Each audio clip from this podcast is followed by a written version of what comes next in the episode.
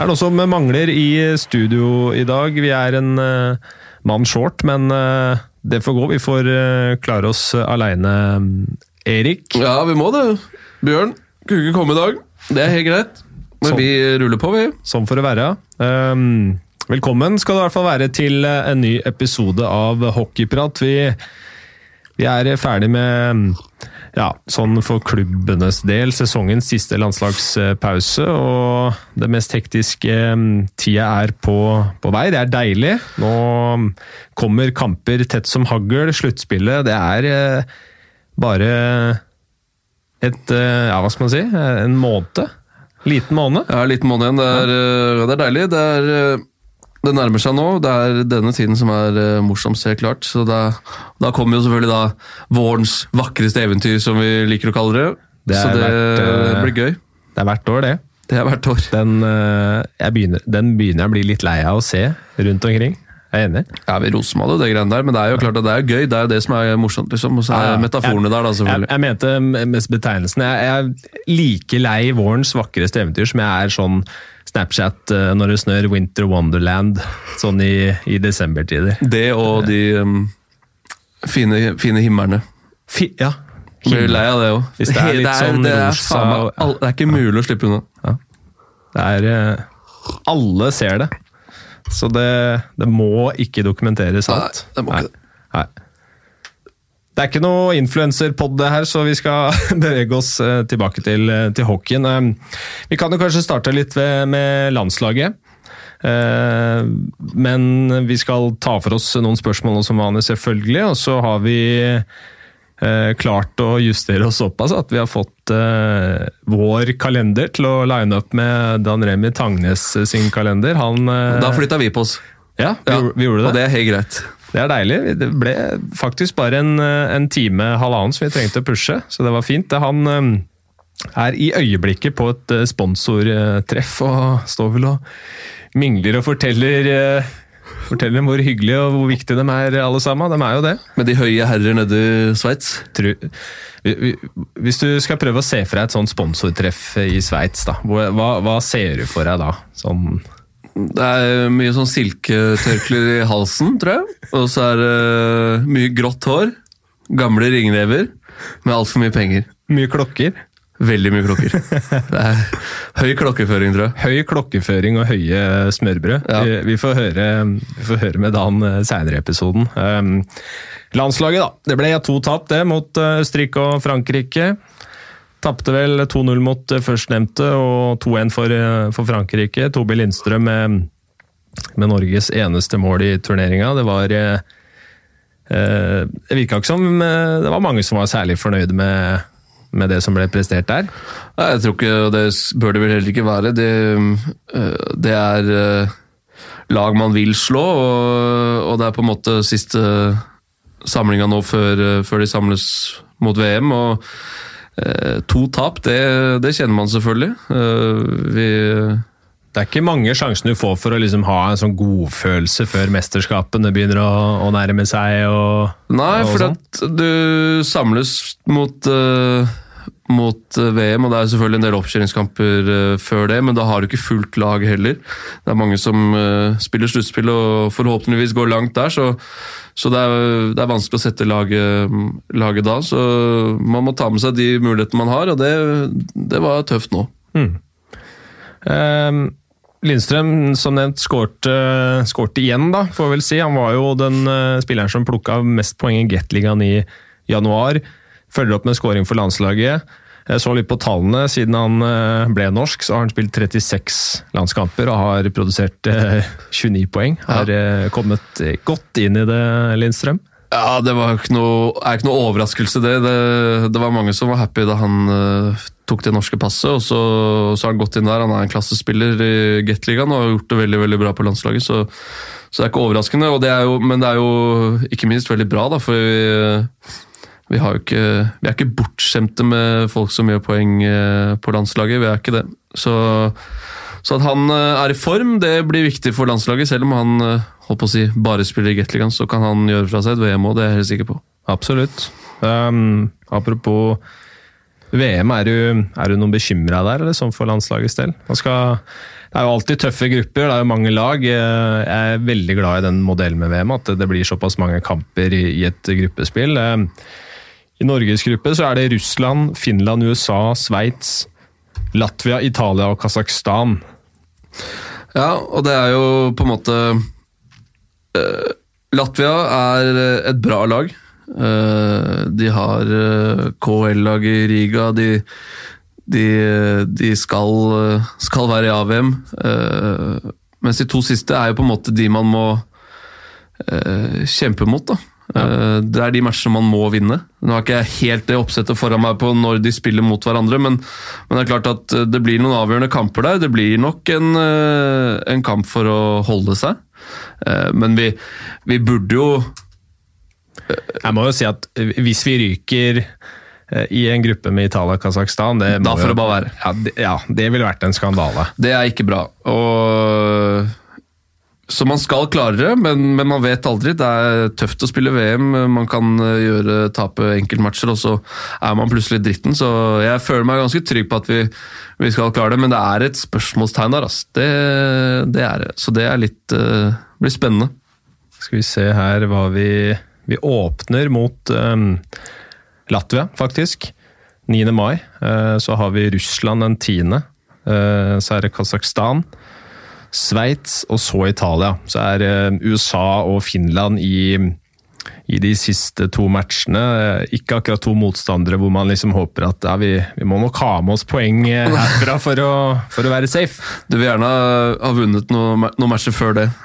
Og så kan det jo være at hvis man, hvis man gjør det, da, så kan man plutselig eh, ikke noe tap i de to siste matchene. Da, og kan eh, Landslaget har tatt noen skalper før de i VM, har og så plutselig ser det litt lysere ut. Så hvis man eh, ja, Hvis man klarer å vinne et par matcher i midten der, og så, så kan det bli, bli moro.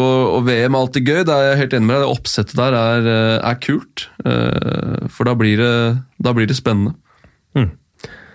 Så har vi en uh, viktig OL-kvalifisering uh, i, i sommer òg, da.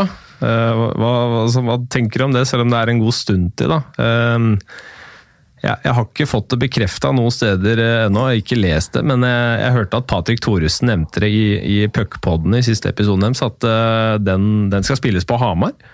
Eh, Ja, det er jo um, eh, Kan jo ha noe å eh, gjøre med isstørrelsen på nye Jordal da, og i Stavanger. Eh, At det må være Olympic size eh, bane. Eh, Så er jo. Hamar eh, Jeg hørte også Jon Torstensen, nye daglig lederen i Vålerenga, han var også med i, i podden til Roy Kvatningen, eh, Høy kølle. Der sa han at Jordal er i rute og skal stå klar til seriestart, så det virker ikke som at det i det hele tatt har vært noe de, eh, eh, som er reelt i det hele tatt, det at den kan ha stått klar til en sånn turnering. Nei, og det er jo eh, veldig greit, da. Så, mm, men det er klart eh, Det er Danmark med Danmark har betydelig flere NHL-spillere enn det vi har, for å si sånn. Og de har uh, spillere som leverer, uh, leverer bra der borte. Hvis de stiller med tilnærmet fullt lag, uh, er nok veldig lystne på et OL der nede, så Samtidig da, så er det ikke sikkert Mest sannsynlig så får ikke NHL-spillerne være med i Tokyo. Nei? Eh, det kan jo hende at de er litt, derfor er litt lunkne, da, men så, så kan det godt hende at de er keen på å være hjemme litt lenger eh, før de drar over til Statene for sesongen, og så er det en kul greie å samles, og så, så vil de gjøre det for de andre gutta som kan spille OL, da, Ja. som ikke spiller NHL. Så Danmark blir eh, selvfølgelig en eh, knalltøff motstander. Vi, de er jo, hvis de har med alle sammen, så er de soleklare favoritter til å, til å slå Norge i OL-kvalik. Det er ikke noe å lure på. Sør-Korea også i, med i kvaliken, og Slovenia, som ble klare nå Jeg tror det var en playoff eh, for, for en liten tid tilbake. Eh, det er jo Slovenia var vel eh, eh, Slo ikke var- de Norge i OL? eh, var Det var Slovenia vi slo når eh, Bondsaksen skårte i, eh, i Sudden. med Kopitar der? Han er jo i Slovenia, Stemmer det? så hvis han er med, så kan jo han eh, finne på litt. Han er, det er ikke noen dårlig hockeyspiller, det. Så Nei. de kan yppe seg. Sør-Korea eh, bør vi slå. Da tror jeg faktisk at det er en, eh, en gammel kjenning som kommer til å gjøre comeback på norsk is. Som var i Lørenskog. Stemmer. Ja, Alex Plant. Ja, de eh, De signerte vel opp en De ordna vel noe pass før OL på hjemmebane. Eh, Så det er vel en del nordamerikanere der. Ja. Om det, jeg vet ikke om de fortsatt er med. Usikker. Nei, Vi får se. Eh, Men uansett så skal eh, Det er lenge til. er det lenge til, og, og Norge skal vel, eh, skal vel klare det. Så blir vel en, kanskje en, eh, en fight mot Danmark der. En som, eh, som kanskje eh, gir oss litt eh, mer grunn til optimisme, det er kanskje måten Henrik Haukeland spiller om dagen i, eh, i Finland. Eh, leverer jo helt ekstreme tall. Eh, og vi ble tagga i noen uh, meldinger på Twitter om at han må vi innom, og det, det må vi selvfølgelig. Han har vel De siste ni matchene så, så har han altså holdt nullen fem ganger. Ja, det er ganske sykt også. Um, I en liga som er blant de beste i Europa, så leverer han helt sinnssyke tall. Ja. Øh, det er nesten ikke til å tro. og Hvis han fortsetter øh, det utover, øh, utover våren, så kan det bli veldig morsomt for dem der oppe. Så det er ganske rå tall. så Det kan, skal ikke se bort fra det. Eller det blir plukka opp andre steder i Europa også. Ja, jeg, jeg tenker også det Hva er liksom next step fra, fra finske ligaen, eh, når man som keeper er en av de som leverer desidert best. Jeg tror han har to keepere foran seg, sånn på statistikken.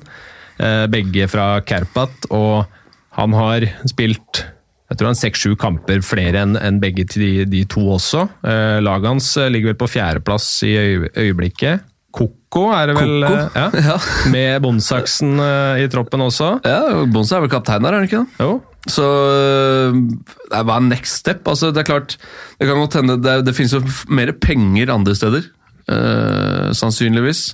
I Sveits, i øh, Sve Sverige kanskje. Ja. Uh, men KL, tenker jeg øh, KL, ja, Det er ganske mye finske spillere i KL. ja. Eh, Det er jo, Du jo et eh, Jokerit, eh, der eh, der, selvfølgelig. Så, så det er nok eh, jeg, jeg, jeg regner med at eh, agenten hans er på ballen, og at det er eh, kommet noen henvendelser, og at han eh, blir fulgt med, for det er eh, noen eh, helt eh, enorme tall. Altså. Si at han har, eh, har et uh, sinnssykt VM, da, stå på huet. Kjøre en Haugen, rett og slett. eh, og Haugen 2011. yes, og fortsetter, uh, fortsetter i OL-kvaliken. leverer samme tall, eller enda bedre neste sesong også. Kan NHL være en mulighet, eller hvor, hvor lenge må du levere da, for å overbevise som en keeper? Det er jo, Hvis han gjør det såpass bra på forskjellige arenaer, da, altså i både klubblaget, kanskje bra sluttspill, eh, så et bra VM, eh, da, men etter VM så bør han, bør vel ha, ha ordna et eventuelt nytt sted å være før OL-kvaliken. da. Ja. Eh, Men det er altså, vanskelig å si. Jeg eh, har ikke så bra koll på hva de gutta tenker over dammen, men eh, ja, jeg, jeg, jeg regner med at veien til eh, KL er Eller den er kortere enn over dammen, da, og, og de vil nok ikke Tror jeg. Nå, dette er ikke mitt ekspertområde, men, men jeg tror nok du, du blir tatt opp på en camp eventuelt, og så må du på en måte bevise. Eh, Det er vanskelig å slå ut i Du kommer nok ikke rett inn i et av lagene der borte og, og danker ut eh, de. Du, du, det er nok en tøffere vei, da. Mens eh, i KL så blir du på en måte henta til KL-laget. Ja. Skal vi ta noen eh, spørsmål? Det må vi gjøre. Vi har fått et fra mm, ja, fra, Vi skal starte med Stein Erik Stormoen. Um, hvem fra 71 grader nord hadde du plukka med deg i starting lineup på isen, og hvorfor? Den er fin. Um, ja, det er med keeper, da. Keeper, det blir uh, Mia Hundvin. Litt sånn uh, katt som er litt lav. Litt liten, men jeg tror hun kan kompensere på, på mye annet. Smidig. Uh, sammen med meg på back-posisjon der. Skulle vi hatt der, da? Det blir vel uh, Onkel P på, på høyrebekken. Han har spilt hockey. Han har det? Onkel P spilte hockey i 84- eller 85-generasjonen til Frisk, han. Ja, Før han flytta til Lillehammer. Riktig. Så han har Han eh, flytta ikke dit for å gå på NTG? han flytta ikke dit for å gå på NTG, nei, det er helt riktig. Så han, eh, han spilte hockey i yngre dager. Senter, der har vi eh, Almås. Og kaptein, kverulant, og kommer til å vippe i vår favør med dommerne. Fus i alt. og- Fus i alt, selvfølgelig. Første straffeskytter, alt sammen. Første rekka. Uh, og så er det eh, Øystein Pettersen og Atle Pettersen på, på vingene der. De er bra, de er bra trent, begge to. Riktig. Er um han øh, Pettersen virker som en, øh, en fyr som er flink til å backe opp hele laget og sørge for at det ville vært fryktelig god moral i, i, i den troppen. Ja, det ville nok gjort. Og så er det da ehm, Hadde det blitt til stor irritasjon for uh, senteren vår og, og, og venstrebekken, som hadde ikke syntes at det er noe særlig å, å bli, bli backa på den måten. Riktig. riktig. Um, per Christian han lurer på um, hva vi synes om at det ta, kjøres powerbreaks overalt. Uh, tror kanskje han mener når det ikke er en TV-match, for da er det jo sier det seg sjøl at det skal vises reklame, men de gjør jo det ofte på kamper hvor det ikke er noe TV-reklame som skal til også. Så Ja. det blir bare et liten pust i bakken. Er det er det, det, eller hva, hva syns du? Um, jeg syns det er greit at det er likt, at det ikke er forskjellig fra kamp til kamp. At du på en måte må, for det man kan bruke til sin fordel. Eh, du får på en måte en eh, Du får på en måte to ekstra eh, timeouts uh, hver periode. Ja.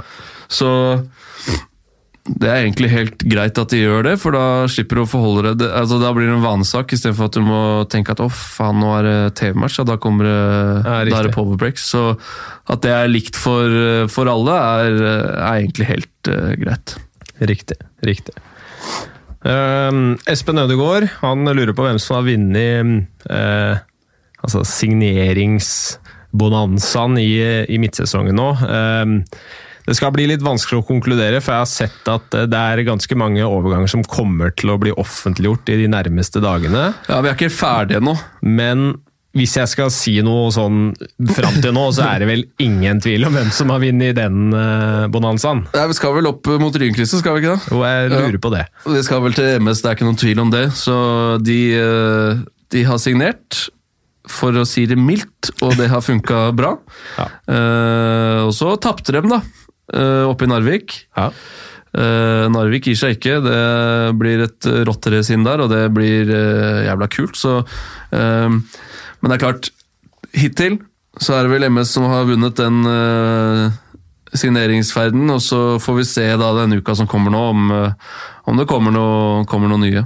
Hva som, eh, hva som skjer. Det har jo skjedd lite grann. Kurt Davies har jo forsvunnet til Tyskland. Ja, ble aldri det helt store. Kom aldri opp på det nivået han var på i, i Stavanger, synes jeg. Så, så den, og har jo sittet på mye på tribunen i år, så, så det er helt, eh, helt greit. Marinaccio til eh, kjørte halvannen time sørover til eh, vakre Asker, så eh, Var det, var det spilleren de trengte, eller eh, var det en såpass enkel løsning at eh, han er, er, kjent, er kjent i ligaen, i landet osv.? litt enkel løsning. Ja. Uh, litt safe. Jeg mener at det ikke tilfører nok til å ta frisk dit de vil. da. Eh, at man kanskje skulle gambla litt på, på noe annet. Eh, men det er klart, han, han hadde han gjort ganske mye poeng i Storhamar før det stilna litt. eh, før det ble litt lunkent eh, der, så, så han kan helt klart tilføre friskt noe. De trenger det, for de har fått noen skader, og det har ikke funka sånn som de har villet. Så, så han, at han tilfører noe, ja, men, men det er ikke det helt store, tror jeg. Stavanger har jo henta inn en mann nå. Det ble en senter. Ja, Rylan Schwartz. Det ble ikke Beck som vi etterlyste, Nei. men eh, så Paul Higson han har eh, fulgt med mye, sett den ganske mye matcher. Det er klart Det er et fortrinn at du har en GM som kan eh, som kan reise og se masse matcher i, i statene. og Både East Coast, AHL og college og hele pakka. Så det er gjort et grundig forarbeid der. Han sa at han har fulgt med en siden han kom til Europa også, gjort, gjort det bra i Tyskland. Uh, og det har, eh, Stavanger har vel henta en del derfra og sendt en del derfra, så de har bra forhold til Tyskland bort, på, bort i vest der. Så uh, det er nok en, en safe signering, tror jeg. En, ikke en veldig høy spiller, men en tøffing. Så, som kan gjøre en del poeng. Så, så det blir spennende å se. Og så må de bare krysse fingrene da, for at ikke Stjernebekken blir, blir skada. For da, da, kan det bli tungt uh, fra, fra backposisjon. Ja. En ting jeg syns er litt moro i, i, Norge når det signeres nye spillere, er at uh, enkelte supportere det er, ikke, det er ikke alltid tallene som er kanskje det viktigste som de ser på, men det er hvem han er broren til. Ja, Det kommer hele tida, liksom. Og det er jo så teit at Ja vel, så er han broren til han eller broren til han, og han broren er, har spilt NHL i ti år. og Det har ikke en dritt å si. For å være helt ærlig. Ingenting. Men det er jo ja, det er en morsom greie, da. Så det er jo brødre og fedre og onkler, og det er ikke måte på hvor mye det liksom teller, da. Ja, de, de, hadde vel sønnen til en av Hansen Brothers for noen år siden i Stavanger. Det var jo litt fett, da. Så har jo ja, men det, men det er fett. Ja. Det er fett når man sier det én gang. Det er ikke fett når du drar opp det fire ganger i løpet av en match etter tre måneder. Nei. Og Hansen Brothers, det er en film! Ja. Det er ikke Det er en film! Eller to eller tre. Og det holder. Faen. Er det mulig? Ah, det er bra. Er det noen eh, Ja, på, på, Hamar så har det ikke skjedd noe Nei, det skal vel skje noe nå, da. Ja. Uh, Begynner å nærme seg. Det, det må jo skje noe. Ja. Uh, hvis de skal være med. De, jeg tror de trenger, trenger litt. Det er, trenger litt nytt inn der for å klare å tukte Stavanger, tror jeg. Så, så de har litt De har ikke dårlig tid. De har en liten uke på seg, har de ikke? Snakka med, med, Bendik Eriksen i HA, har for så vidt nevnt han allerede i stad. Um, var, altså han, han, klarte ikke liksom helt å få noen klare signaler fra Elmo hva de er på jakt etter, men er det en, er det en senter, produserende senter? Det vil jo alle lag ha hele tiden, selvfølgelig, da. Men uh, er det det som ville løst liksom, det største problemet på, på, på Hamar? Det er klart at De må jo ha mer enn den første rekka som produserer. da. Ja. Eh, de er veldig veldig avhengig av den rekka der til Patrick. så... Ja. Det ble litt hemskoen deres i fjor òg? Ja, eh, de må ha litt flere strenger å spille på. Du ser Stavanger har det. Ja. Eh, nå har det er ganske bra produksjon jevnt over. Hoff-gutta har våkna ja, dem har, nå. Dem har levert. Um, så, så, der må de på en måte De må få flere fram uh, og produsere litt, så det kommer vel en, en offensiv uh, spiller der, så får vi se. De har virker som de har bra med, bra med kroner, så Ja, det, det jeg nesten Jeg gleder meg. altså De kommer jo til å blø litt av publikumssvikten. De, de går glipp av en god del kroner hver match der nå? Ja, det er ganske mange. så altså, Publikumssnittet går ned. Uh, og, men så skal sies det i hvert fall, da, og det sies det overalt, at man ikke budsjetterer Budget, med nei, mer enn så så mye. Nei, budsjetterer ikke med sluttspill, og så budsjetterer de ikke med uh, over så og så mange, som alltid er et veldig lavt sånn gjennomsnittlig publikum. Uh, det tror jeg er løgn. Ja, jeg, jeg, jeg ja. kjøper ikke det. Uh, Nei, jeg, jeg, det ligger i bakhodet, i hvert fall, at vi skal langt i sluttspillet. Da kommer det mye folk. Sånn har det alltid vært, og sånn kommer det alltid til å være. Og det er det så mange som har skutt seg selv i foten på før. Uh, så og så blir det jo litt sånn Ok, nå kommer sluttspillet, vi, eh, vi trenger en bra spiller, liksom. Uh, ja, han er bra, men han er egentlig litt dyr. Ja, men det ordner seg. Ja, ikke sant? det, det, er, det, er, heller det. Det er heller at det ordner seg, enn at uh, de sitter og ja, og, og hvis, vi, hvis, vi, får to kvartfinaler hjemme mot MS, ja, da er det rein bonus. Da. Ja, ja, det er ikke, Nei, ikke, ikke der de er. Nei, så, så, det, Og det er sånn uh, tankegang det er for, for, mange. Hockey er følelser. Uh, idrett er følelser. Man blir litt følelsesstyrt. Så, så, sånn er det veldig ofte. Jeg, jeg er litt sånn selv, jeg. Ja, ja, men jeg skal jobbe litt ekstra da, så da kan jeg kjøpe den bilen. Det ordner seg, det. liksom. Ja, det ordner seg. Det, man er litt sånn, ikke sant. Så, så, det blir spennende å se hva de signerer. Jeg tror det kommer til å komme et bra navn inn der nå. Tror jeg også. Vi gleder oss. eh, Ja, det blir moro. Og jeg syns det er gøy når folk eh, bruker penger i den ligaen her, så da har vi litt å snakke om. Absolutt, og jeg tenker at eh, hvis Storhamar får inn eh, en som eh, produserer bra, og det funker, så, så er det ikke Altså, det blir ikke walkover for Stavanger i sluttspillet her. På ingen måte. Eh, og det ville ikke blitt nå heller, tror jeg. Eh, men holder selvfølgelig Stavanger eh, som en favoritt nå, men eh, det blir Det spennende det må de tåle når du, når du har avgjort ligaen i oktober. Faen, de har kommet til å ha 200 poeng eh, når ligaen er ferdig. Liksom. Ja, det har vært eh, imponerende.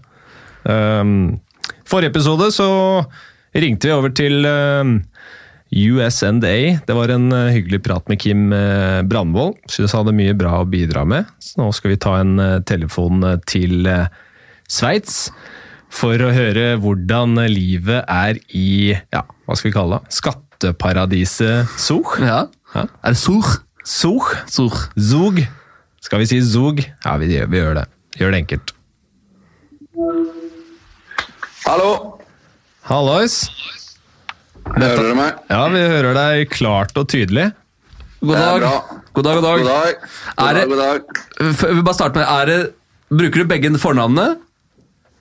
Eh, mora mi bruker det i hvert fall. Eh, så det, jeg heter jo Dan Remi, men det er ikke så mange som bruker det lenger, hvis jeg skal være ærlig. Eh, men det er jo lett etter at jeg ble halvt korv, som eh, de, de syntes det var litt vanskelig å bruke begge, så eh, Så det, det er valgfritt. Dere får gjøre det som dere vil. Ja, det er bra. Jeg, jeg ringte deg i går. Da, svar, da svarte du med Tangnes. Er det, det er kanskje det det går mest i, eller?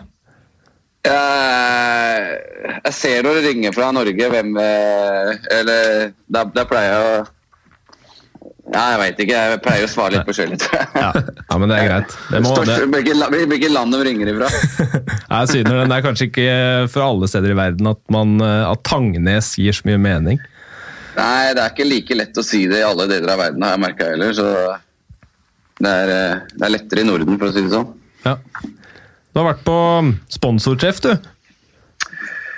Vært på sponsorlunsj med Postfinans, som er hovedsponsor for eh, ligaen her. Riktig. Vi satt litt og liksom fantaserte om hvordan et sponsormøte i Sveits, eller sponsortreff, ser ut i Sveits med, med silkeskjerf og høye smørbrød og dyre klokker og sånn. Er det noe du kan bekrefte, eller? Det ser nok litt annerledes ut enn det gjør i Norge og i Sverige, det må jeg jo si. Det er, eh, det er eh, både rødt og hvitt vin, og, og det er obligatorisk på lunsjene her. og eh, det er Ofte tre retter, og det er er mer er business lunch. Er du litt sausa nå, eller? Så det er, hver ettermiddag så er man litt halvt sausa etter trening og man har fått i seg lunsjen her. Så. Man trenger det for å overleve i den bransjen her. Riktig. Det, Neida. det, så det, går, det går fint for dere om dagen, da. Det ble jo seier i går også. Det ble seier i går. Det var ikke noe Det var kanskje ikke den beste kampen som har blitt spilt i Bossard Arena i vinter, men uh, må jo si at det var solid å vinne 3-0. Eh, I hvert fall når vi har hatt så mange borte på landslagsoppdrag som egentlig kom direkte til match uten å trene, så var det bare bra for å begynne med en seier igjen. Hvor mange hadde, hadde åtte stykker borte, eller? Eller på samling? Stykker. Ja, åtte stykker på forskjellige En, en tsjekker, to svensker, en franskmann og fire sveitsere. Sveitsere hadde en sånn eh, Prospect-samling, U25. Ok.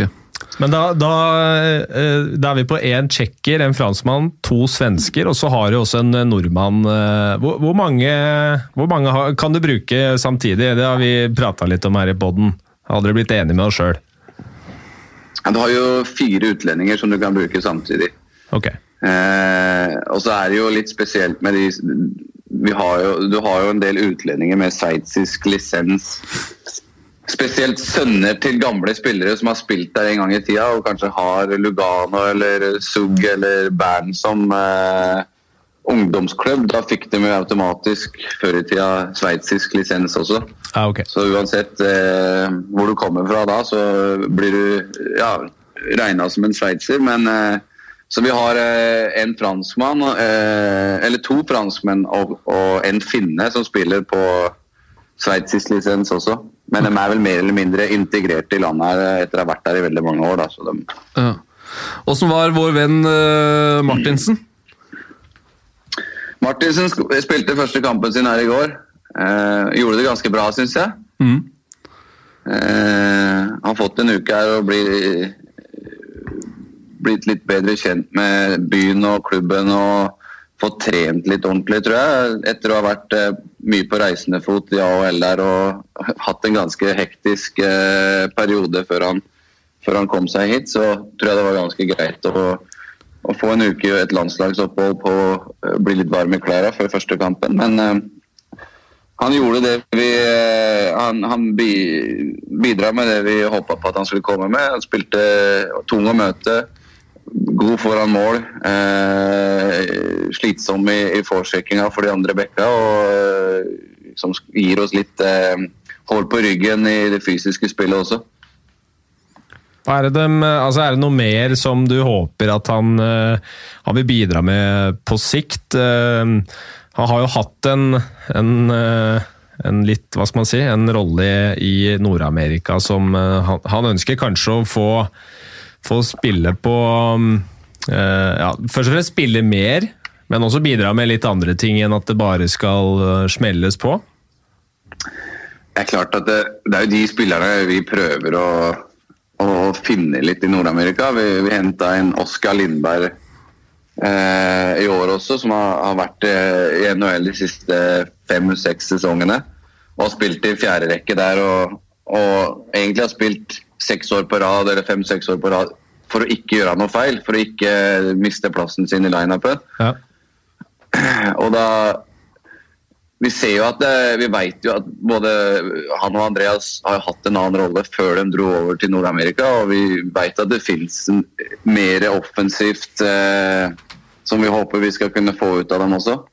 Lokke fram Og, litt eh, eh, Ja, og få, få tilbake litt spilleglede. At man spiller for å gjøre forskjell, og ikke for å overleve. Eh, det er ganske stor mental forskjell, og, og hvordan man eh, liksom angriper en kamp og en prestasjon på. Jeg Eh, og jeg regner med at eh, disse gutta må få beskjed om det her uh, når dere er i samtale. Hva, hva, hvordan reagerte Martinsen på den muligheten og de, de tankene deres for at han skulle signere? Eh, egentlig så var det jo eh, bare et langskudd fra min side. Vi, vi satt og hadde møte her og, og titta litt på hva vi trengte å få inn i, i den lagoppstillinga vi har.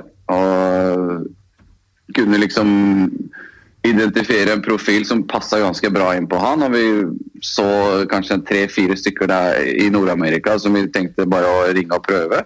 Så jeg, jeg har aldri prata med Andreas før. og Eh, klart at jeg har sett den eh, lands, på, eh, på landslaget flere ganger. og ringte bare og spurte om det kunne være interessert. Jeg ringte agenten hans først. og Det var ganske tydelig at det, han var interessert, og da gikk det egentlig ganske fort.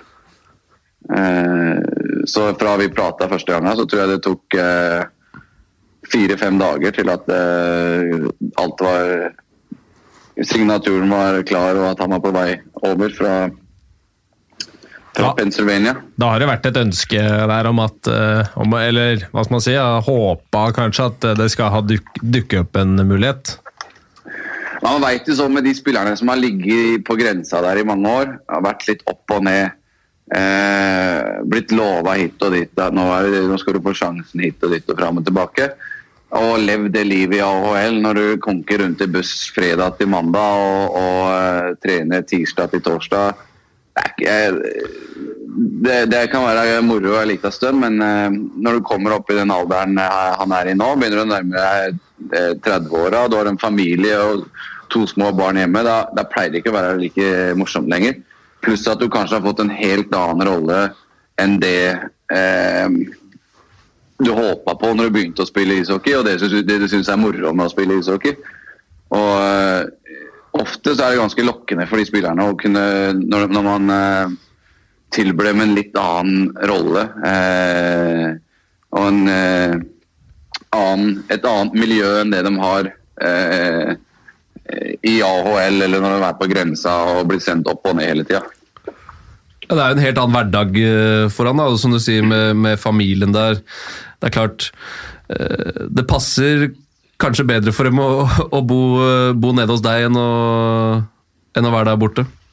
Det er klart Når du har små barn og familie, så passer det bra å bo i et land der du kommer hjem og sover i senga di etter hver bortekamp. Eh, veldig få lange reiser. Vi har fire timer, det er den lengste bortekampen vi har eh, i serien. Eh, så, så, sånn sett så er det jo en, en grei hverdag. Så tror jeg at uh, NLA og, og, eh, og, SUG og alle de andre lagene i, i sveitsiske ligaen her nede jobber hardt med å vaske bort den uh, country club-stempelet som, som, man har hatt i mange år. At det har liksom vært en sluttstasjon for gode NHL-spillere som kommer hit for å, for å, få en behagelig avslutning på karrieren. Sånn er det ikke lenger. og jeg tror at han kan skrive under på det om noen uker når han har blitt litt varm i klærne også. At det begynner å bli en veldig bra liga, og uh, hverdagen her er, er, veldig, veldig profesjonell. Jeg kan bare sammenligne med Sverige. der jeg synes at det, Hverdagen her med trening og, og forberedelser og, og nivå på spillet er, er veldig høyt. Så ja, for hvordan er det egentlig? Altså, jeg husker i holdt på å si gamle dager, det er jo ikke det, men for en del år siden så, så hadde man liksom en formening om at Sveits var Da hadde du tre-fire knallgode importer, og så var nivået på de sveitsiske Det var bra, men det var liksom ganske langt under det. da. Er det jevne nivået på, på spillerne der nede blitt bedre? Altså er det, er det jevnt over ganske bra nivå? Både på utlendingene og, og, de hjemlige spillerne? da? Ja, det må jeg jo si at det er. Eh, og sånn er det vel at de som har vært eh, hatt framgang her de siste ti årene, har jo hatt veldig gode sveitsiske spillere også.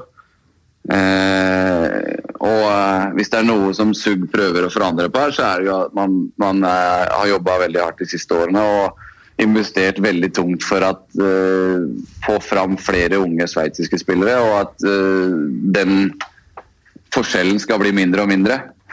Og Hvis du ser hvordan Sveits har uh, prestert i de siste VM-turneringene, og hvor hvordan rankinga ser ut nå, så har de jo tatt store skritt i rett retning. og jeg synes at og, da kan man tenke på at de fleste spillerne spiller jo i den ligaen her. De har eh, noen stjerner i NHL med Jossi og Nidenreiter og Fiala og eh, Timo Meyer i, San Jose, men eh, eh, stommen av laget spiller jo i sveitsiske ligaen. Hvilke investeringer, altså Hvordan er det man har eh, jobbet med for å få fram flere unge spillere i Sveits?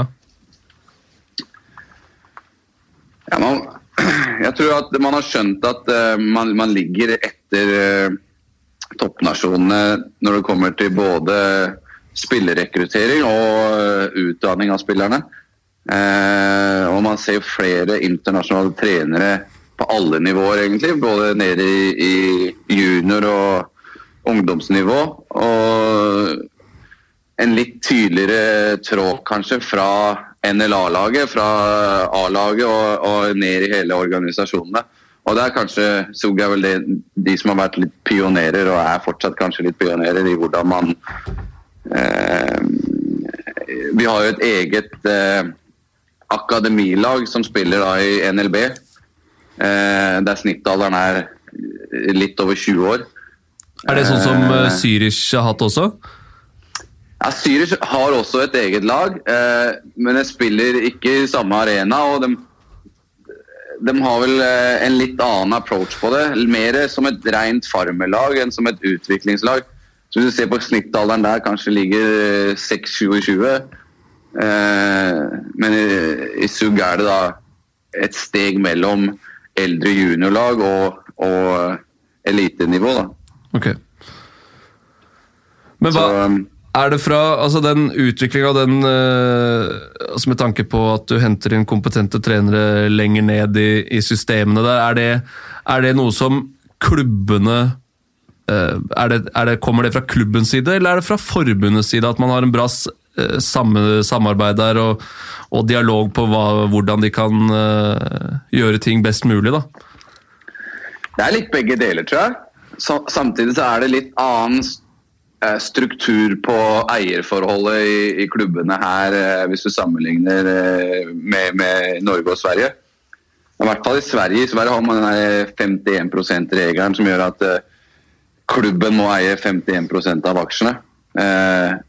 Her nede er det jo utelukkende private eiere i alle klubbene. Uh, og så spørs det jo litt på hvordan Vi har jo en eier som har investert pengene sine på utvikling. Han, har, han betaler jo ikke noe lønner til lønninger til spillere eller trenere på A-laget, men han betaler jo det ungdomsakademilaget.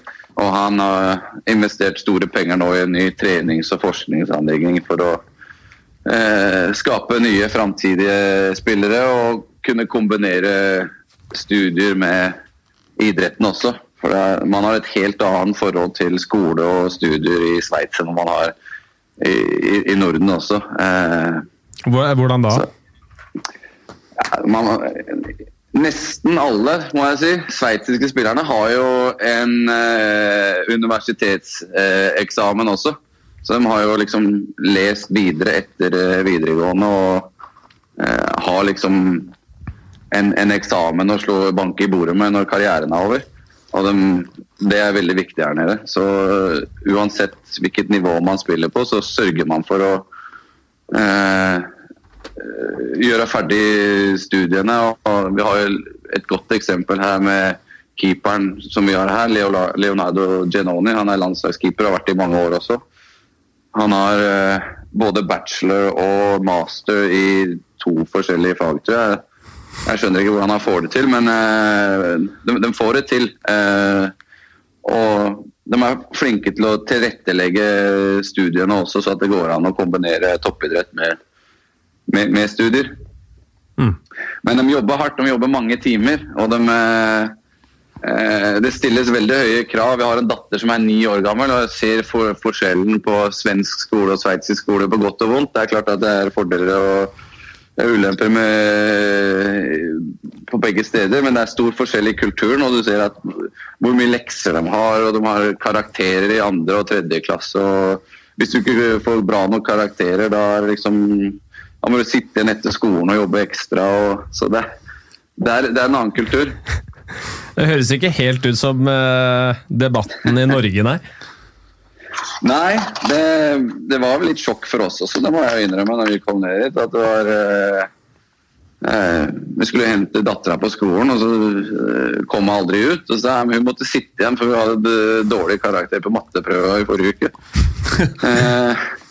så det var bare å vente til hun var ferdig. og men er, på en måte så er det jo eh, det som er litt av eventyret når du flytter utenlands til en annen kultur, at du får oppleve litt hvordan det er på andre steder. Og eh, få litt annet perspektiv på, på livet. Og hvordan, eh, hva som er rett og feil, og hvordan ting kan gjøres. Men øh, syns du det er øh vil du si det har en positiv innvirkning på de gutta dine da, som studerer ved siden av, eller du ser de nedover i, på akademiet som, hvor skolegang er en, er en viktig del av hverdagen? Tror du det har en positiv effekt, ikke bare etter karrieren, men mens man spiller hockey? Ja, og Det tror jeg er veldig individuelt. Det er veldig vanskelig å liksom svare generelt på. Men uh, man har jo ganske mange eksempler på at det er mulig her. Det må jeg jo si. Mm. Eh, så tror jeg ikke det, det, det, hadde fungert for alle. Men eh, jeg vil si at jeg er veldig imponert over hvordan mange får det til med å, å For jobber ganske mange timer her. Eh, altså En vanlig hverdag for en spiller her i Sog, da kommer de inn i hallen klokka halv ni på morgenen. Eh, en treningsdag. Og så trener vi eh, off-ice og, og, på isen mellom ni og, og halv ett. Og så en gang i uka kommer de tilbake på ettermiddagen eh, mellom tre og fem og, og kjører et, eh, et off-ice-pass. Eh, og så har du da tre kamper i uka. Tirsdag, fredag, lørdag hver uke.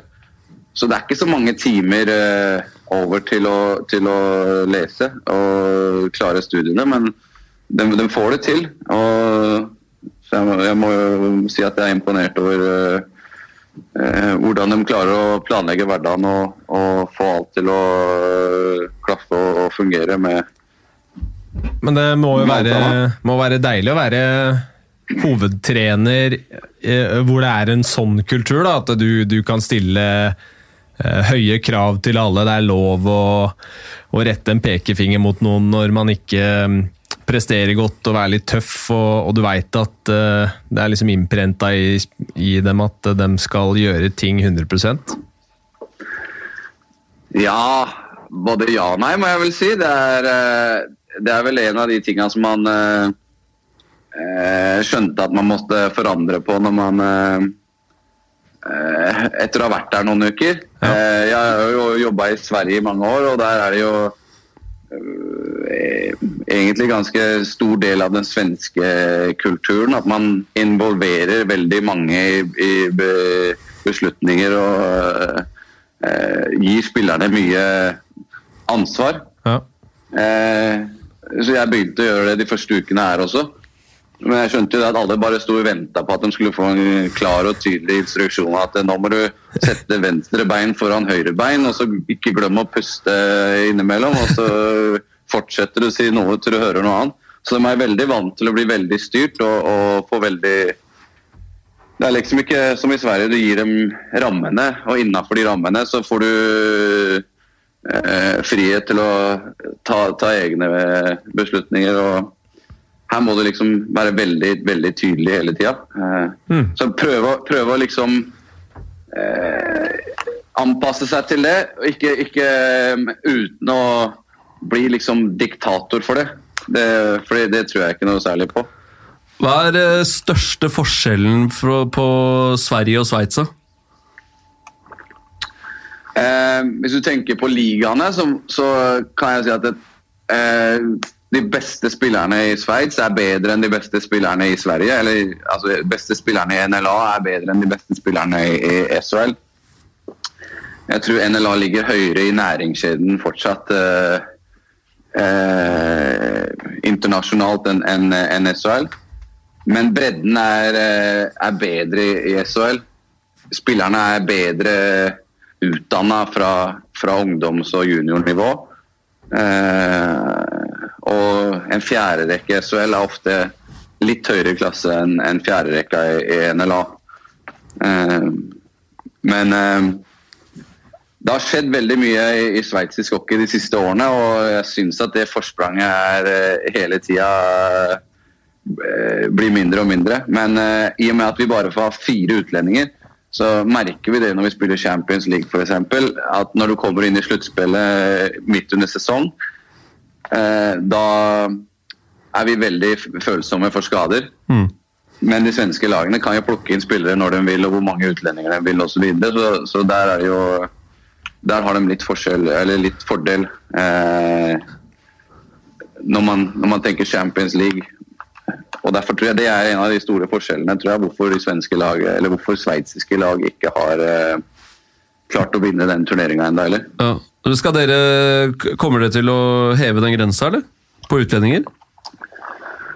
Uh, ja, det, man veit aldri her. Det, går, det er veldig kjappe rykk fram og tilbake. I fjor hadde de en eh, Stemte de om det midt under sesongen i fjor? Om de skulle høye den grensen til seks utlendinger.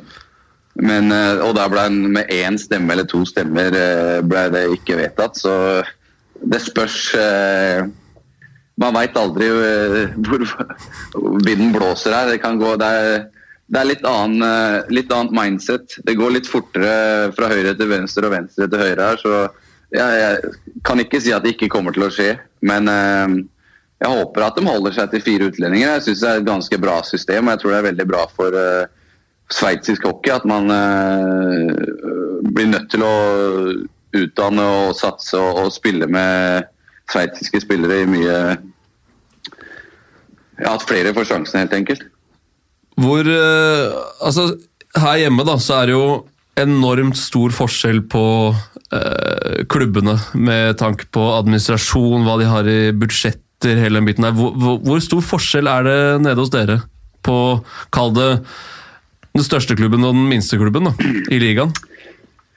Det er en Bra spørsmål. Jeg tror det er ganske stor forskjell, men det er veldig mye hemmelighetsmakeri her. Ja. er hvis, hvis, du setter, inn pengene dine på en sveitsisk bank, så er det ingen som kan få greie på hvor mye du har der, eller at du har penger der i det hele tatt. Og sånn fungerer hele landet litt også.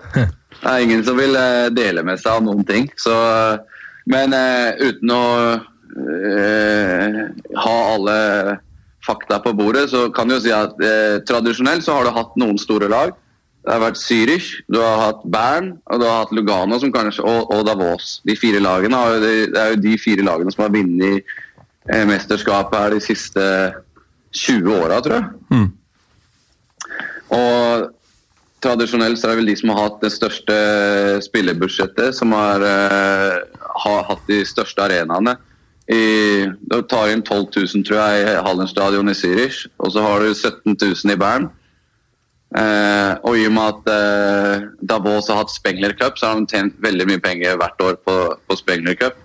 Så de har jo hatt muligheten til å eh, bygge dyre, dyre lag. Mm. Eh, Lugano har en li, rik familie som eier klubben der nede, som også har satsa veldig mye penger. Men nå har du lag som Zug, da, som har nærma seg de siste, siste åra. Eh, Lausanne har en kanadensisk eier som har spytta inn veldig veldig mye penger der. Jeg skulle nok påstå at de sikkert er topp tre på spillebudsjettet. Men så har du andre enden av tabellen. Da har du eh, Ambri og Rapperswil, som har eh, Og Langnav, kanskje, som har eh, skulle jeg gjette, så skulle jeg gjette at de har en, uh, omset, eller en, et spillebudsjett uh, som er eh, Si 60% av uh, Syrisk, kanskje, da, som har det høyeste. Ja. Al- Så det er ganske Altså, stor forskjell der også. Er, er, du, er du blitt såpass sveitser nå at eh, alt er hemmelig der òg, eller eh, har du noe tall, eh, sånn om, omslag, noe cirka å gå ut med her? Hva, liksom, hva, eller hva, hva koster laget ditt, da? Skal vi kan starte der. Kommer han ikke til å si. Nei, akkurat. Nei, men eh, skal jeg være helt ærlig, så har jeg ikke Det er, jeg det er ingen som har noe, har noe tall på det. Eh, jeg jeg veit at eh, de, de, eh, de, de beste importene har eh, tjener, skulle jeg regne med, rundt eh, tre- 300, kanskje litt i overkant av 300 000 sveitserfranc netto. Ja. Eh, og da i netto så har du jo betalt bo, leilighet eller hus eller hva du nå har, og biler og forsikringer og alt sammen. Så det er vel egentlig de pengene du får med deg hjem i lomma. Eh, Akkurat og det. de beste sveits, sveitsiske spillerne har jo litt bedre enn det igjen også. Ja. Så eh, Riktig. Eh, jeg tror klubben her omsetter eh, 300, rundt 350 millioner. Rundt 350 millioner norske kroner. Men av det så har jeg ikke peiling på hvor mye som er spillerbudsjett. Nei. Så, og må, hvis jeg hadde hatt eh, tallene, så hadde jeg ikke så jeg syns ikke det er noe større hemmelighet, men eh, det er sånn eh, det er sånn eh, landet fungerer her nede. At alt sånt er veldig hemmelig. og det er Ja, ja, ja. veldig Holder det veldig tett mot brystet. Og så er det jo, Av de 350 millioner, så er det ganske ma mange av de som går til hovedtreneren, veit vi. Så, det meste, det meste. Ja, vi må ikke glemme det. Nei, men det er ikke vi, vi, Man tjener jo bra her. Det er jo klart at det, det er jo en av de store grunnene til uh, uh, hvorfor, hvor, hvorfor Sveits eh, er et attraktivt land uh, i, i hockey-Europa. Vi snakka litt i går om at du bor jo i et eh, hyggelig kanton, eh, som det så fint heter. Sånn økonomisk sett. Zug er jo ganske spesielt i, Sveits. Hvis Sveits er en boble å, å bo i med, når det kommer til uh, trygghet og, og uh, økonomi osv., så, videre, så er jo Zug kanskje en boble i den bobla igjen. Det er jo veldig lav skatt i, i Zug, så det er, jo, det, er jo som, det er vel Monaco, Luxembourg og Zug i Europa som er de attraktive stedene å, å bo i. Så Det gjør jo at det, det er veldig mange eh, eh, veldig rike mennesker som bor her, og som er på hockey ofte også, og som har store eh, businesser som har bygd opp og som, som, som er registrert. Jeg tror det, var, det bor 40 000 mennesker i SUG og jeg tror det er 300 000 registrerte firmaer i, i Zug. så det, det sier vi litt om hvordan, hvor skatte, hvordan skattenivåene er her, og hvorfor det er attraktivt å bo her. Men hvis jeg skal Det er jo to sider av det myntet. da. Vi har, vi har en leilighet som vi ikke betaler for, men den koster jo 45 000 i måneden. Og det er som en vanlig, vanlig leilighet i, i, i Norge eller i Sverige. Så boligprisen er, er- er deretter? De kommer deretter, ja. Ja. Dem, eh, Så, så for å legge den debatten død her i Norge, da, den der boligbobla i Oslo den kommer ikke til å sprekke, altså? Ikke så lenge de senker skatten, så er, kommer den aldri til å Nei, jeg tror, ikke, jeg tror ikke det er Hvis du ser på hvordan det ser ut her, så er jo Sveits et veldig lite land der det bor veldig mye folk. Og de er veldig misunnelige på hvordan vi har det i Norden med, med ganske god plass og lite folk. Men eh, i alle storbyer så er det jo det som er, eh, koster, er jo det som ikke fins. Og det er jo eh, tomter og, og ja, leiligheter og hus eh, der det ikke finnes noe. Så jeg tror ikke det er vanskelig å si at det skal sprekke. Men nå er jeg, nå er, nå er ikke jeg eh, fagmann på, uh, Nei ja, det, var en, det ble en digresjon. um, jeg skal tipse deg eiendomspoddene om at du kanskje kan bidra litt der òg. Men um, over til noe annet. da. Eh, Du sa at uh, sveitsere er litt misunnelige på, på folk i Norden. Litt eh, fordi vi har litt bedre plass og osv. Um, I Hockey-Norge så er man jo veldig misunnelig på, på sveitserne, som bare plutselig har fått eh, masse penger og store sponsorer og bra spillere helt ut av det blå. Men sånn er det ikke helt. Det er klart at det er, det er et land som det er mye penger i, men eh, eh, Norge, det finnes vel en, en eller annen krone i Norge også. Og det er jo, Jeg tror ikke det er sånn at de sveitsiske klubbene har bare gått og tigd penger hos noen rik onkel et sted, og at det er noen som har kasta penger etter dem. Eh, så jeg har litt, litt vanskelig eh, for den der debatten eh, at man syns synd på seg sjøl. Det, det tror jeg ikke man kommer spesielt langt med. Jeg tror man må eh, finne en måte å, å eh, skape interesse for eh, det man holder på med, og få folk til å engasjere seg i det. Og det syns jeg de har vist et bra eksempel på i, i Stavanger, der de har gjort en veldig bra jobb de siste ja, hva kan det være, 10-15 årene. Å bygge opp en, en stort interesse for hockeyen og vist at det går å skape noe fra, fra, fra grunnen.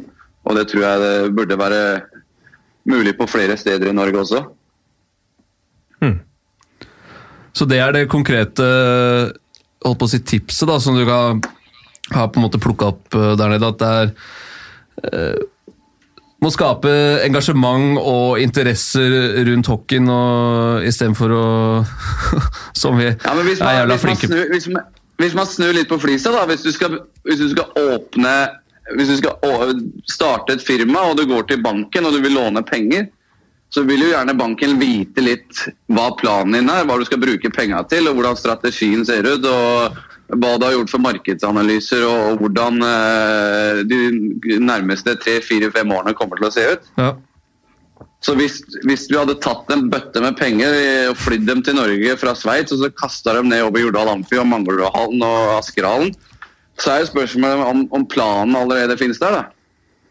Jeg tror ikke penga i seg er den eh, eneste løsninga. Jeg tror at det, det, det savnes en plan på mange steder også.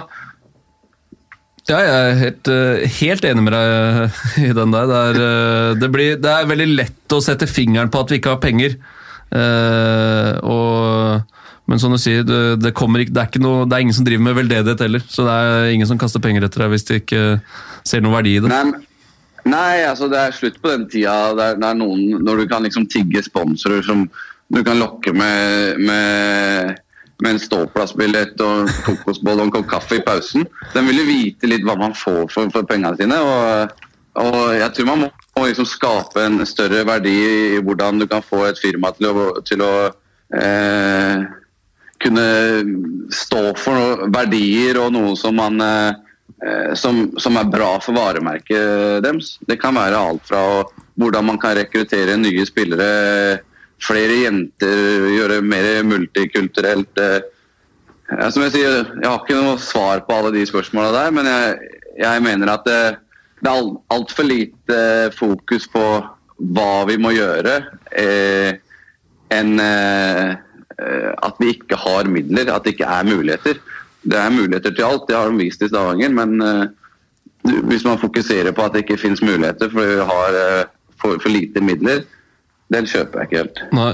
Og så En annen ting vi er flinke på her hjemme, det er å si at nei, vi, vi, gidder ikke å gå og se på hockey, for fasilitetene er ikke bra nok. Det er jo en sånn gjenganger. Og så er det selvfølgelig Alle vil sitte mest mulig komfortabelt og, og ha, ha, det best mulig. Åssen er liksom halssituasjonen hos dere? Er det er det sånn at alt er eh, tipp topp shape og nytt og bygd i fjor? Eh, nei, det er det ikke. Men eh, det begynner å bli veldig mye bedre. Eh, Sug har vi en hall som er Den er vel åtte-ti år gammel nå, tror jeg. Men du, kan google på Ambri Piotta og Valasja, som hjemmebanen deres heter. Den er fra 1900 og frøsihjel, holdt jeg på å si. og du må kle deg som en eskimo for ikke å fryse i hjel under 60 minutter der. Men er det Norges eh, svar på Sjongshallen? Ja, det er, det er, mulig. Det er mulig. Men det er alltid fullt der. Ja. Og de har jo liksom skapt noen form av eh, mytos rundt klubben. og, og det ligger, Ambri ligger jo i en liten by, det bor ikke mer enn 200-300 mennesker der. Men det kommer jo folk dit hver eneste kamp. og det er en av de klubbene som har absolutt flest fans rundt om i hele, hele Sveits. Uh, og det må jeg si at kulturen Altså fankulturen er jo veldig annerledes her nede. Men uh, jeg må jo være litt enig med dem som sier at det, det er ikke så særlig interessant en lørdag kveld å, å, uh, å, å, dra og se på hockey og ikke kunne liksom Hockey er under, underholdning. Mm. Og du må kunne kanskje sitte og spise, kunne spise en middag og drikke et glass vin eller en øl eller øh, altså kose deg og, og få underholdninga samtidig for at det skal være veldig interessant. Så jeg håper jo at øh, halvsituasjonen øh, generelt eh, blir bedre, og det holder han vel på å bli også. Ja da, Om en 10-15 år, når Jordal Amfi er ferdig, så blir det vel bedre der. og ja, den... Askerhallen blir, blir, vel klar først, regner jeg med. Den nye hallen i Asker. Ja, Der er det begynt å støpe, så den er ferdig lenge før Jordal, tenker jeg. Så det, det blir Jordal i 2035 eller noe, da har vi matcher der. Kan, hy, kan, hyre inn eh, de som bygde sykehus på ti dager i Kina. Jeg har råd til det, Asker ja. kommune. ja, men det Asker er vel et ganske bra eksempel. og Der finnes det vel ganske mange Eh, mennesker som har vært, eh, er fram, framgangsrike entreprenører og, og, der det finnes midler. Men du må jo lokke med noe som dem blir engasjert av. Ja, de eh. Jeg har jo på en måte vokst opp der og, og kommer derfra, og det, det fins masse suksessrike, flinke folk som, som, har, som, har, gjort det bra, men de, har, de, sier jo hele tiden at ja, vi kan godt tenke oss å være med på noe, men det må være en ordentlig organisasjon, det må være noe return of investment her, må, vi, altså, vi må få noe tilbake, det må være en plan på det, og det er jo det som er gjennomgående for alle de som eh, blir spurt om dette. her, At det, det, må være noe mer enn bare at vi får to plasser i hallen og, og en kaffe ned på vippen der, liksom. Det er, eh, det er, det de sier, rett og slett. Ja, men Jeg tror ikke det er så mange som er veldig interessert at du skal kunne altså, rekruttere en, en eh, en canadenser uh, fra Florida, Gladiators eller Alligators og noe til. For han har alle glemt om 14 dager. Ja, ja, ja. Men hvordan kanskje man arbeider med å jobbe med, med ungdomshockey i Asker? Hvordan uh, kan vi kanskje sette inn ekstra midler der for å kanskje skape en uh, Eh, ekstratreninger etter skolen. Altså, nå kommer jeg bare med masse ideer. Jeg, jeg veit jo altfor lite om hvordan situasjonen er. Men kanskje helt, ansette en ungdomstrener på heltid som kan gjøre situasjonen litt bedre. Man kanskje kan uh, fikse leieutstyr for å få flere til å begynne å spille hockey, som kanskje ikke har råd til å spille, kjøpe utstyr. eller uh, som, som har bakgrunnen fra hockeyen og kanskje vil prøve og osv. Det, det er jo masse forskjellige måter å skape interesse for, som jeg er ganske sikker på at mange entreprenører og firmaer skulle være interessert i å, å liksom sette navnet sitt på, og betale litt for også. Men uh, du må jo liksom selge noe. Det går ikke å tigge penger. Og der, der synes jeg at uh, du kan ikke, kan ikke bare sitte og synes synd på deg sjøl at det, der, det, går ikke, det er ikke mulig å gjøre noe her, for det er, vi har ikke midler til det. Og, eh, men hvis du, hvis du hvis man, hvis man klarer å selge, selge inn noe og engasjere folk som har midler, da tror jeg det er muligheter. Og det syns jeg man har gjort en, en veldig god jobb eh, med i, i Stavanger. Men som sagt, jeg har ikke alt, alt, alle korta på bordet. Jeg har vært veldig, veldig langt ifra norsk hockey. Du skjønner, du skjønner at vi har ringt deg nå Dan, for å få fasit på alt?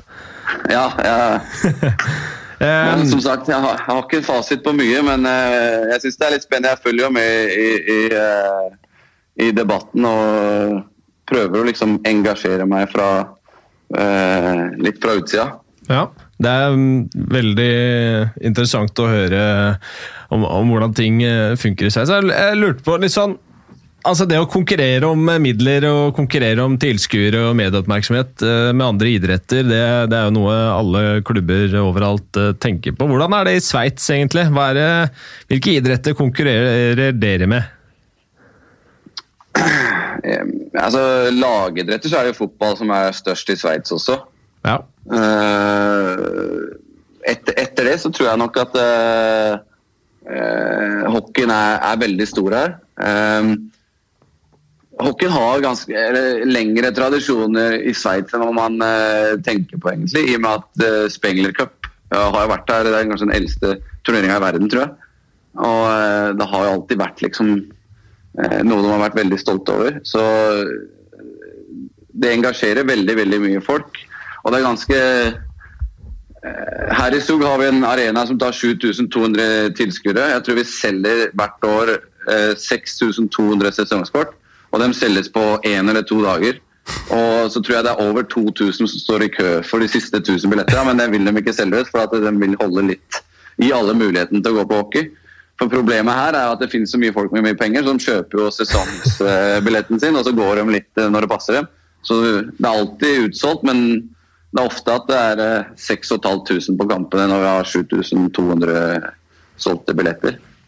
Eh, I, I Bern har de jo 17 000 som de tar inn, og der er, jo, der er det krise for at det, de holder på å miste, eller kjemper om med siste sluttspillplassen. og de har, eh, Publikumssnittet har synket med 150 tilskuere fra eh, 16 900 til 16 750.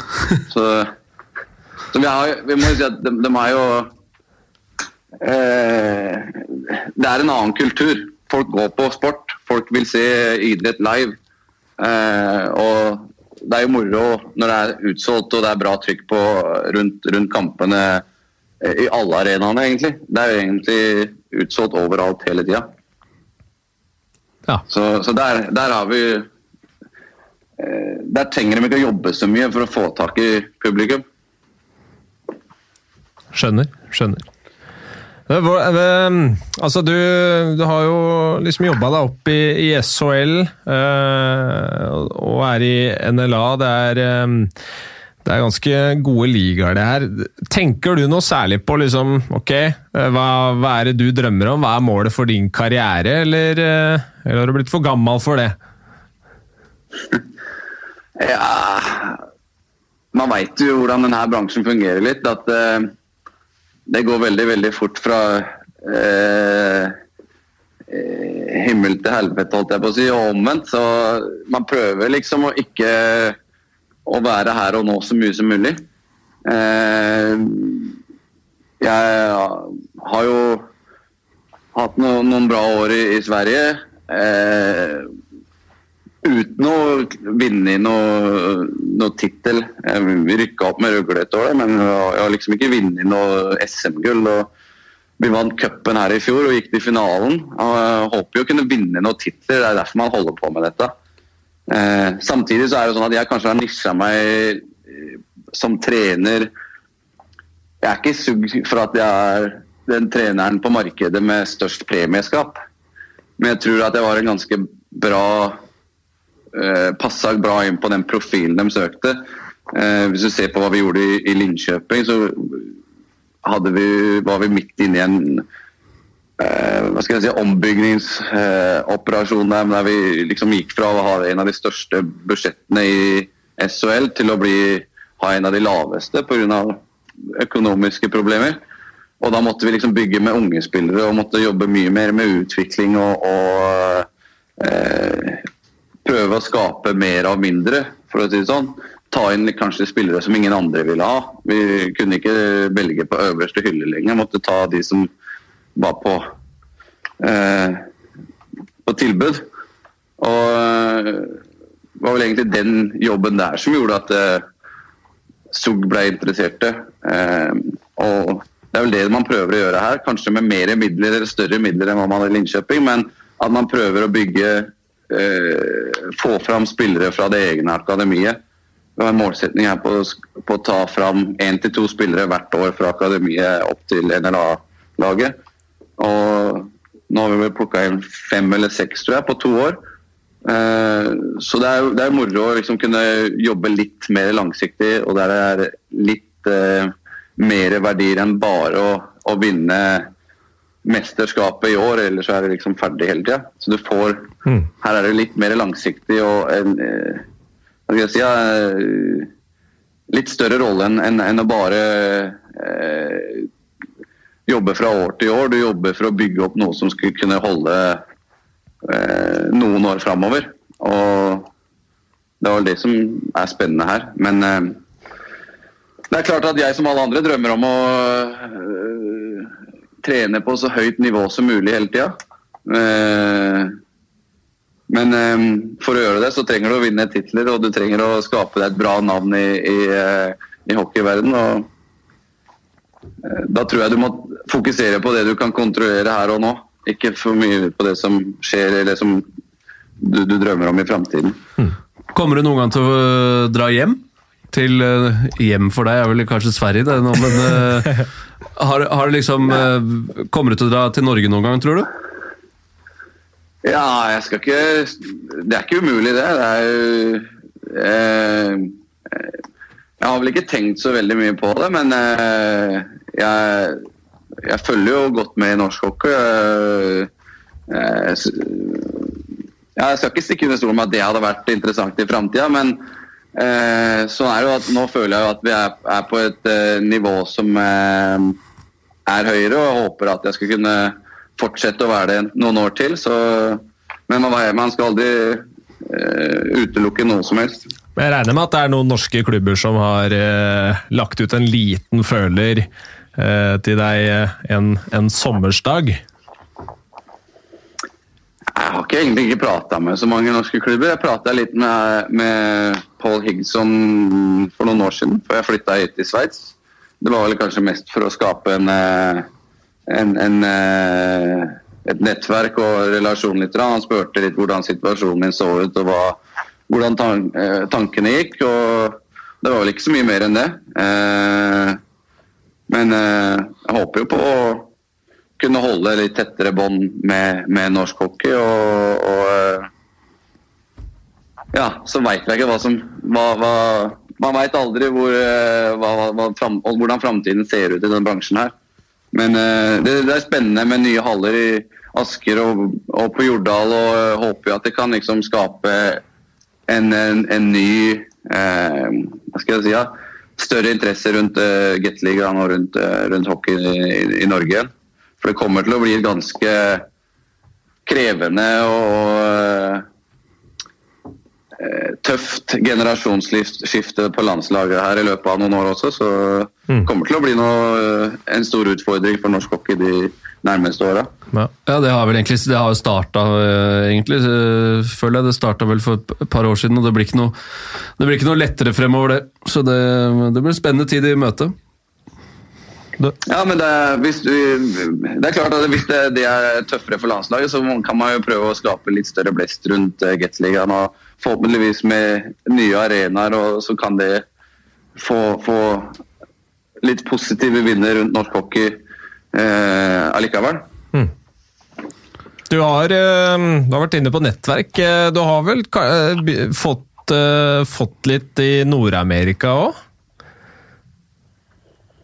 Eh, Har det ikke vært noen NHL-klubber på besøk hos dere i, i, i Sveits?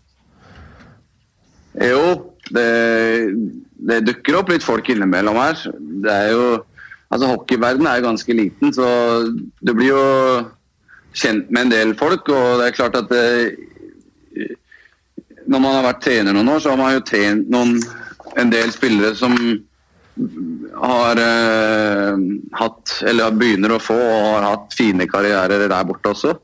Så det, de er litt nysgjerrige på hva vi har gjort og hvordan vi tenker og hvordan vi ser på litt forskjellige ting. Og så dukker det opp noen, noen trenere og noen, noen managementfolk innimellom fra klubber som ja, er litt nysgjerrige og vil, vil høre litt hvordan vi ser på forskjellige ting. Så, og eh, jeg har også vært over i, i Nord-Amerika og Hvor er det du har vært hen, da? Til, eh, jeg har vært litt på forskjellige steder, men jeg var jo med San Jose eh, altså Hvis du tenker på NHL-klubber, så har jeg vært i, i San Jose, var der i ti dager i, med rundt laget og kjente jo eh, trenerne som var der da, eh, Todd McClellan. Mm. Eh, og, og var med og reiste og, og var med rundt laget og så litt hvordan hverdagen ser ut der for en trenerstab. Eh, hva forskjellen er fra Sverige, da, som jeg har jobba med, kontra NHL. Og det var jo veldig interessant. Og så når han fikk sparken fra Edmonton i fjor, så var han her i ti dager. Eh, så har vi hatt noen folk fra både Buffalo og fra Vancouver som har vært der to ganger, eh, og som kommer tilbake neste år igjen. Så det er, det er litt Det er som i alle andre bransjer. Det er mye net, networking og prøve å bli litt klokere og smartere gjennom å prate med eh, interessante personer som har vært øh, flinke i, i bransjen, og som kanskje gjør ting litt annerledes enn det vi gjør her, og Mm. vice versa. Riktig. Interessant. Vi begynner å gå tom for studiotid her nå, Dan. Eh, Ja, jeg, tror, jeg- jeg tror vi må runde av, men det har vært eh, veldig hyggelig å, å få prate med deg. I like måte. Ja, Like veldig, måte. veldig bra. Hvor mange Oi, sorry. Nei, bare kjør, du. Nei, det begynner å nærme seg sluttspill i, i Gateligaen også. Hvor vel mange en- kamper er det igjen i Gateligaen før det er sluttspill? Er det vel åtte matcher, er det ikke det? Åtte-ni kamper? Så det, um, serien avgjort selvfølgelig for, uh, for lenge siden. Ja, ja. Stavanger uh, tok jo den greit, og så blir det spennende. Det er uh, fortsatt en liten uke igjen av før overgangsvinduet stenger, så det kan hende det skjer noe Eller det ryktes i hvert fall at det, det kan skje en uh, del ting der, så det blir spennende, spennende å se. Det er jo det er alltid gøy med, med det sluttspillet. Og så er det ganske spennende å se hvem av Narvik og Emme som tar den siste plassen, faktisk. Uh, Narvik har vært et friskt tilskudd i, i Gateligaen og gjort det overraskende bra. uh, så det er moro. Det er veldig moro at det sprer seg. Ja, vi må spre det litt. Altså. Det er, eh, vi trenger å få det litt bort fra, fra Østlandet og, og sånn. Og, eller vi trenger ikke få det bort fra Østlandet, men vi må spre oss litt utover. Få, få med hele landet. Det tror jeg er sunt. Det tror jeg er sunt. De har vært bra, så det har vært, har vært moro. Men uh, hjertelig takk, eh, Dan, for, eh, for tiden din. Det ble nesten en time det her, men eh, tida flyr når man, eh, man har det hyggelig. Du får ha masse lykke til videre med, med sesongen. Ja, lykke til. Takk Så for det. har du- Har du litt blink på ryggen nå, eller når du begynner å hente inn nordmenn? ja, nå er det er jo farlig. Det er jo, jeg er jo Solskjær. Du må jo Jeg må ikke gå i den fella. Jeg har sagt til Martinsen at uh, du veit hva som gjelder. Nei da. Jeg eh, må jo Det er klart at det, det stiller seg ekstra spørsmål rundt det, men jeg driter i egentlig hvor de kommer fra. Eh, det som er viktig når man tar inn en spiller eh, midt under sesongen i et lag som allerede har, har fungert ganske bra, det er jo at det er et bra menneske.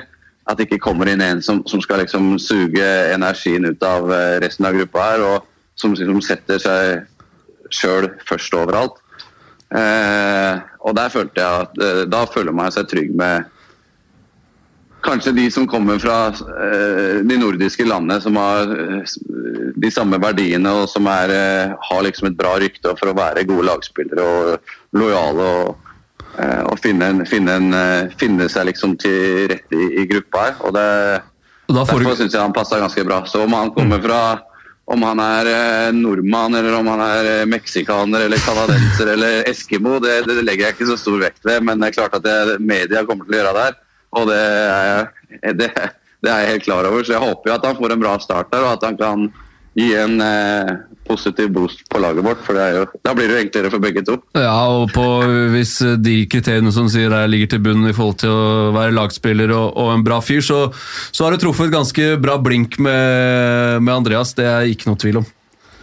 Jeg føler det. Jeg har fått et veldig bra inntrykk her, og han har øh, øh, Alle som har liksom vært i kontakt med han har, har fått et veldig bra inntrykk. Så jeg føler at vi, har, øh, vi var veldig, hadde, hadde flaks som, øh, som fikk til den. Og tror han kommer til å bli viktig for oss øh, i siste delen av sesongen her også. Nå skal vi bare gi litt erfaring før med sveitsisk hockey før sluttspillet begynner. Så håper jeg han kan bli litt joker for oss. øh, ut på vårkanten her. Det er bra. Det blir mor morsomt å, å følge med, så vi, lo vi lovte Bjørn eh, at du må, du må hilse fra han til, til Federer. Skal vi runde av Jeg skal gjøre det. Jeg, skal gjøre det.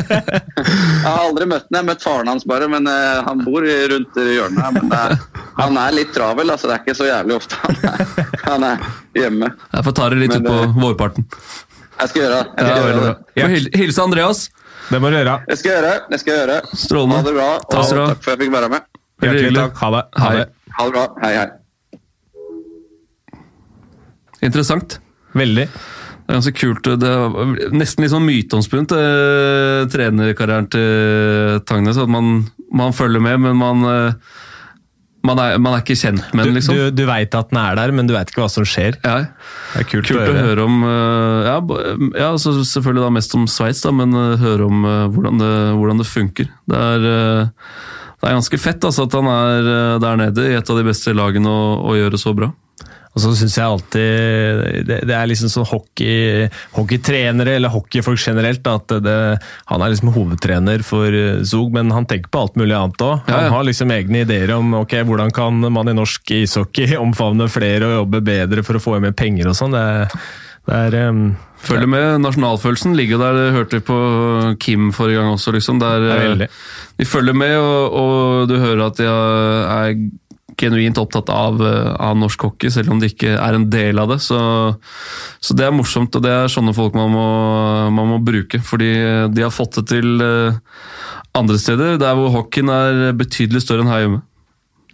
Vi um, Dette blei fryktelig langt til slutt, Follestad. Ja, jeg står ulovlig igjen, så jeg er veldig spent på om bilen er der, eller om det ligger en uh, gul uh, lapp. Jeg tenkte jeg skulle prøve ut på plassen, vet du. Der, der er det ikke lov å parkere, men det står alltid masse håndverkerbiler der. Riktig. Så jeg tenkte jeg skulle bare teste ut det nå, så jeg er spent. Da må du, da må du løpe, Ja. så skal vi runde av. Jeg skal bare nevne én ting eh, først. Vi har vært inne på sluttspillet nærmer seg. Mye morsom hockey skal spilles. En ting jeg har lovt Rikard Fjell å nevne, er at det skal spilles superlagsturnering i Askerhallen 7. mars fra klokka tolv. Da er det lag fra altså Stavanger, Lørenskog og Frisk som skal ut i striden.